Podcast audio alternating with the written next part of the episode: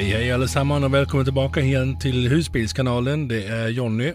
Och eh, i det här podcastavsnittet så tänkte jag fråga er vad innebär det egentligen att leva och bo i en husbil permanent?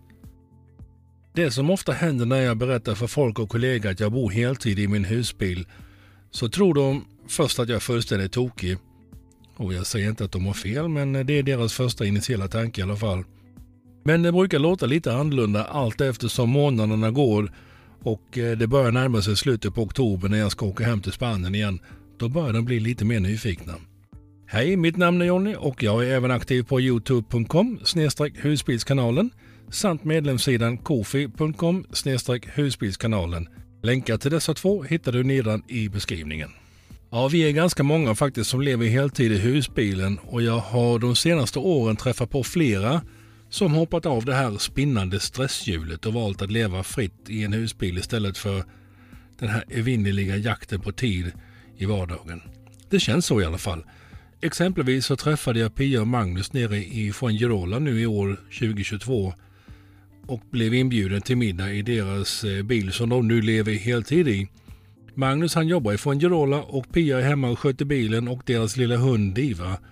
Och Det som jag verkligen uppskattade med att träffa dem var att uppleva deras inre lugn och glädje av det enkla i livet. Vi satt och pratade och hade en riktigt kanontrevlig kväll precis som om vi hade suttit i soffan i en lägenhet eller villa någonstans. Men vi sitter i en husbil på en ställplatsparkering i Fuengirola. Och då är min fråga, vad är det med detta som man inte kan tycka om? Det är ju helt underbart och kunna ha det så fritt och leva på det sättet.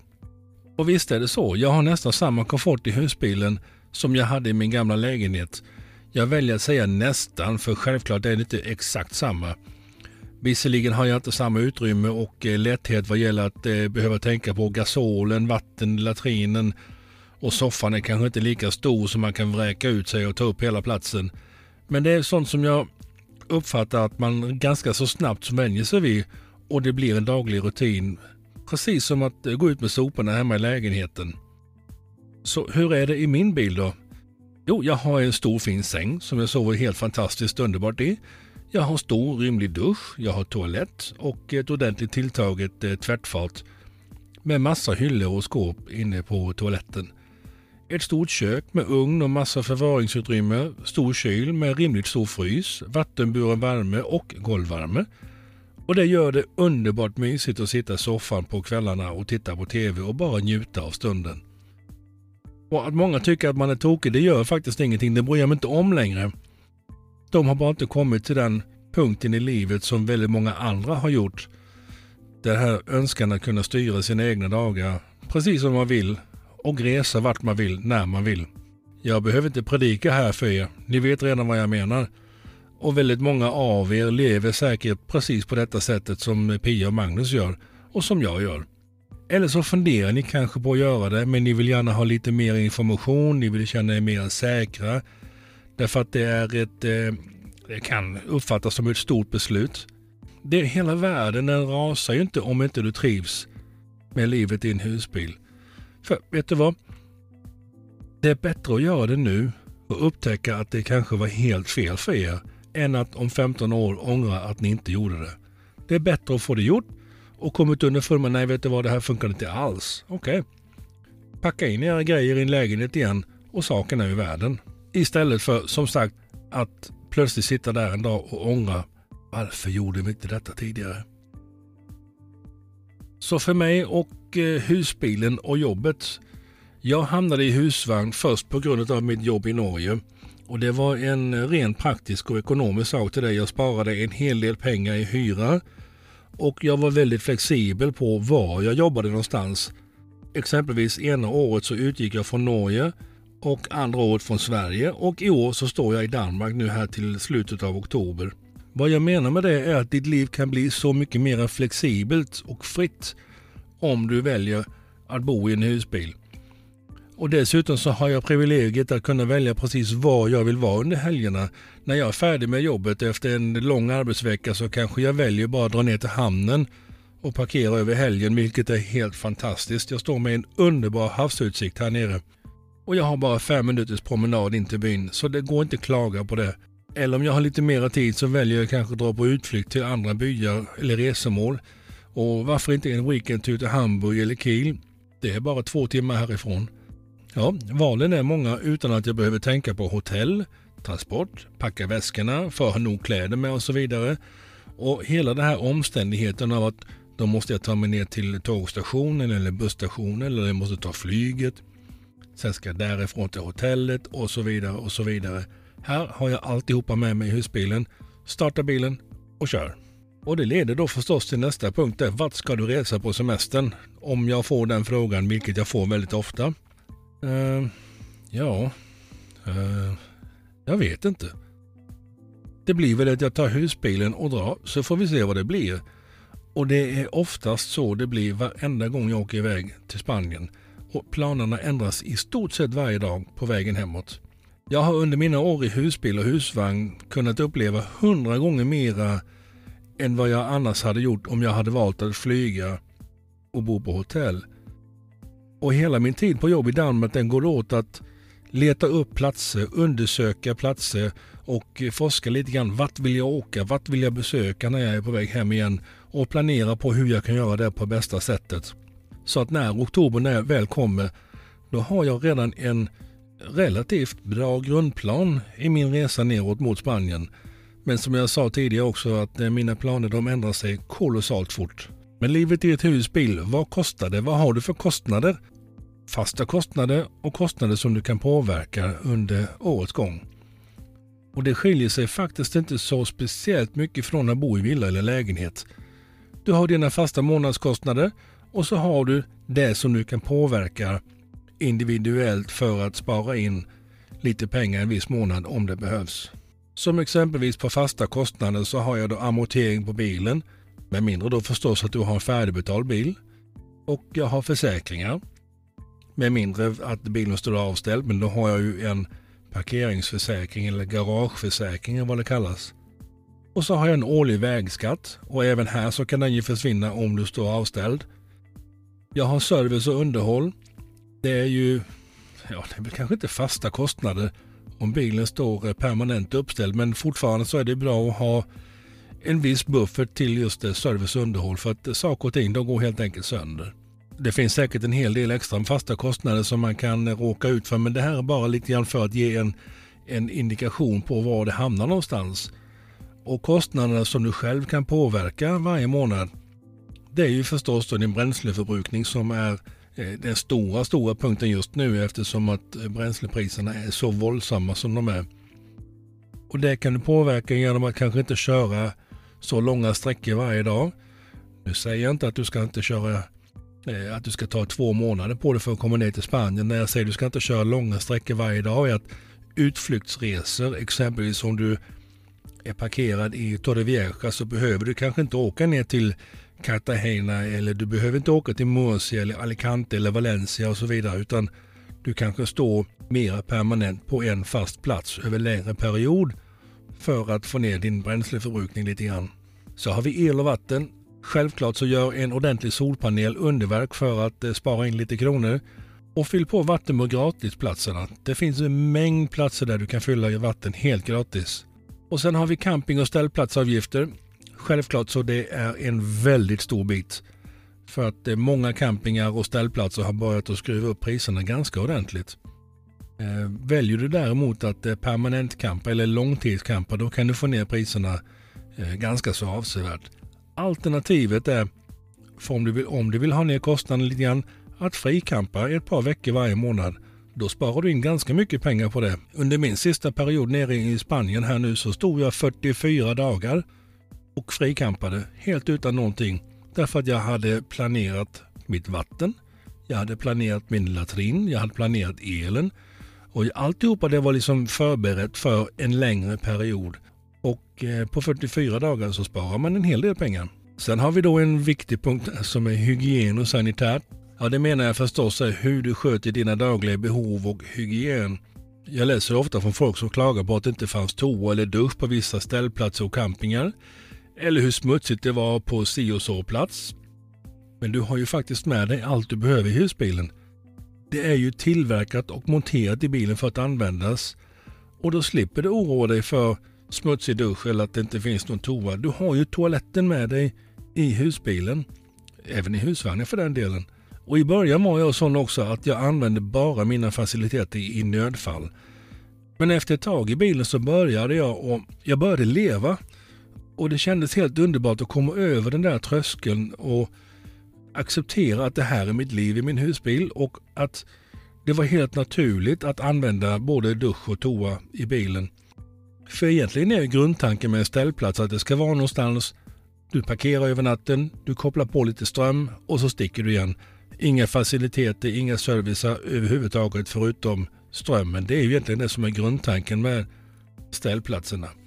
Kommer det då till att du ska ha både toa och dusch, ja då är det nästan på att du är inne på campingstuket då. Och då får du betala därefter också. Så jag tycker att det är helt naturligt. Varför inte använda dusch och toalett när du har det i bilen? Den punkten har jag kommit till i alla fall och jag känner mig väldigt, väldigt komfortabel med det. Och ett liv i husbilen innebär förstås att man träffar nytt folk varenda dag. Jag har förr i tiden varit otroligt social med en massa vänner och bekanta runt omkring i de städerna jag jobbat. Men lastbilsjobbet tog ganska snabbt död på det sociala livet där. Du får inte många vänner när du sitter i en lastbilshytt i en hel vecka.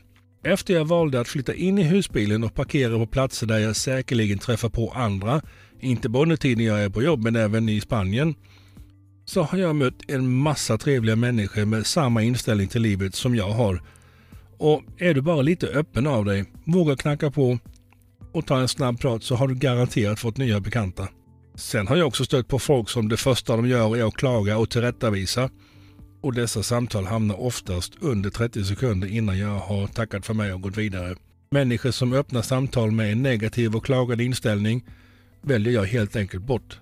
Det hör inte hemma i mitt husbilsliv.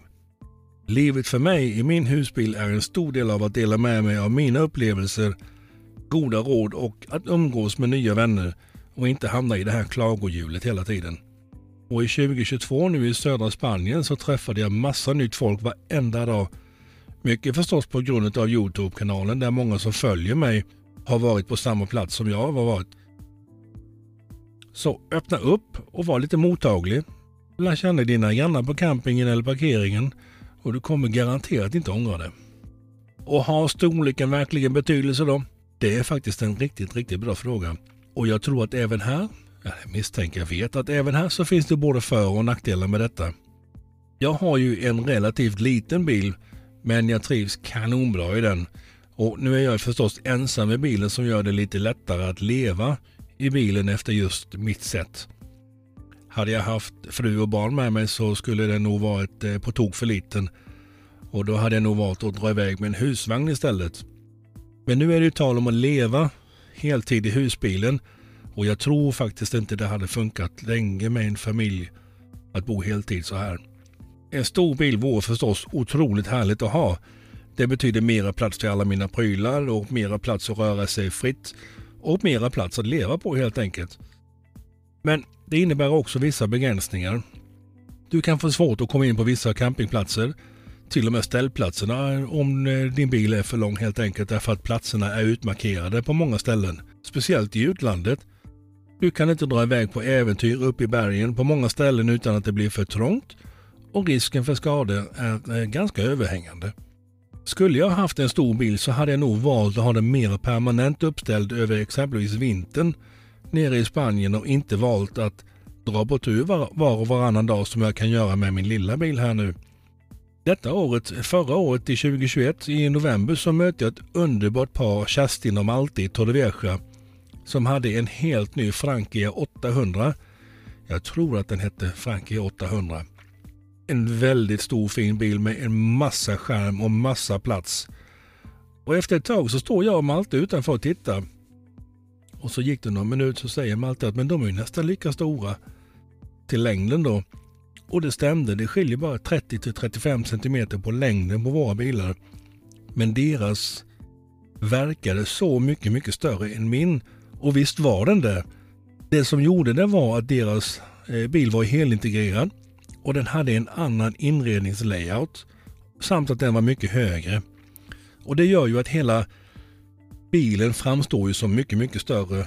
Men faktum är att det var bara 35 cm i skillnad på bilarna. Så visst kan storleken ha betydelse, men som i det här exemplet så kan nästan samma storlek eller längd men med en annan layout i inredningen vara precis lika bra, om inte bättre.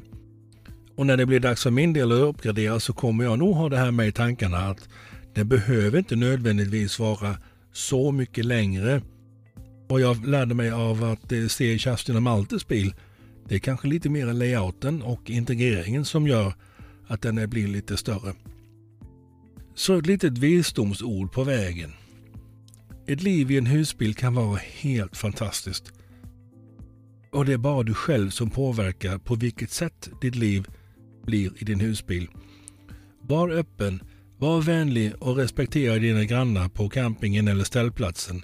Tänk på att de också gärna vill ha en lugn och trevlig helg var ni än befinner er. Att flytta mitt liv till husbilen var nog det bästa beslutet jag har tagit i hela mitt liv.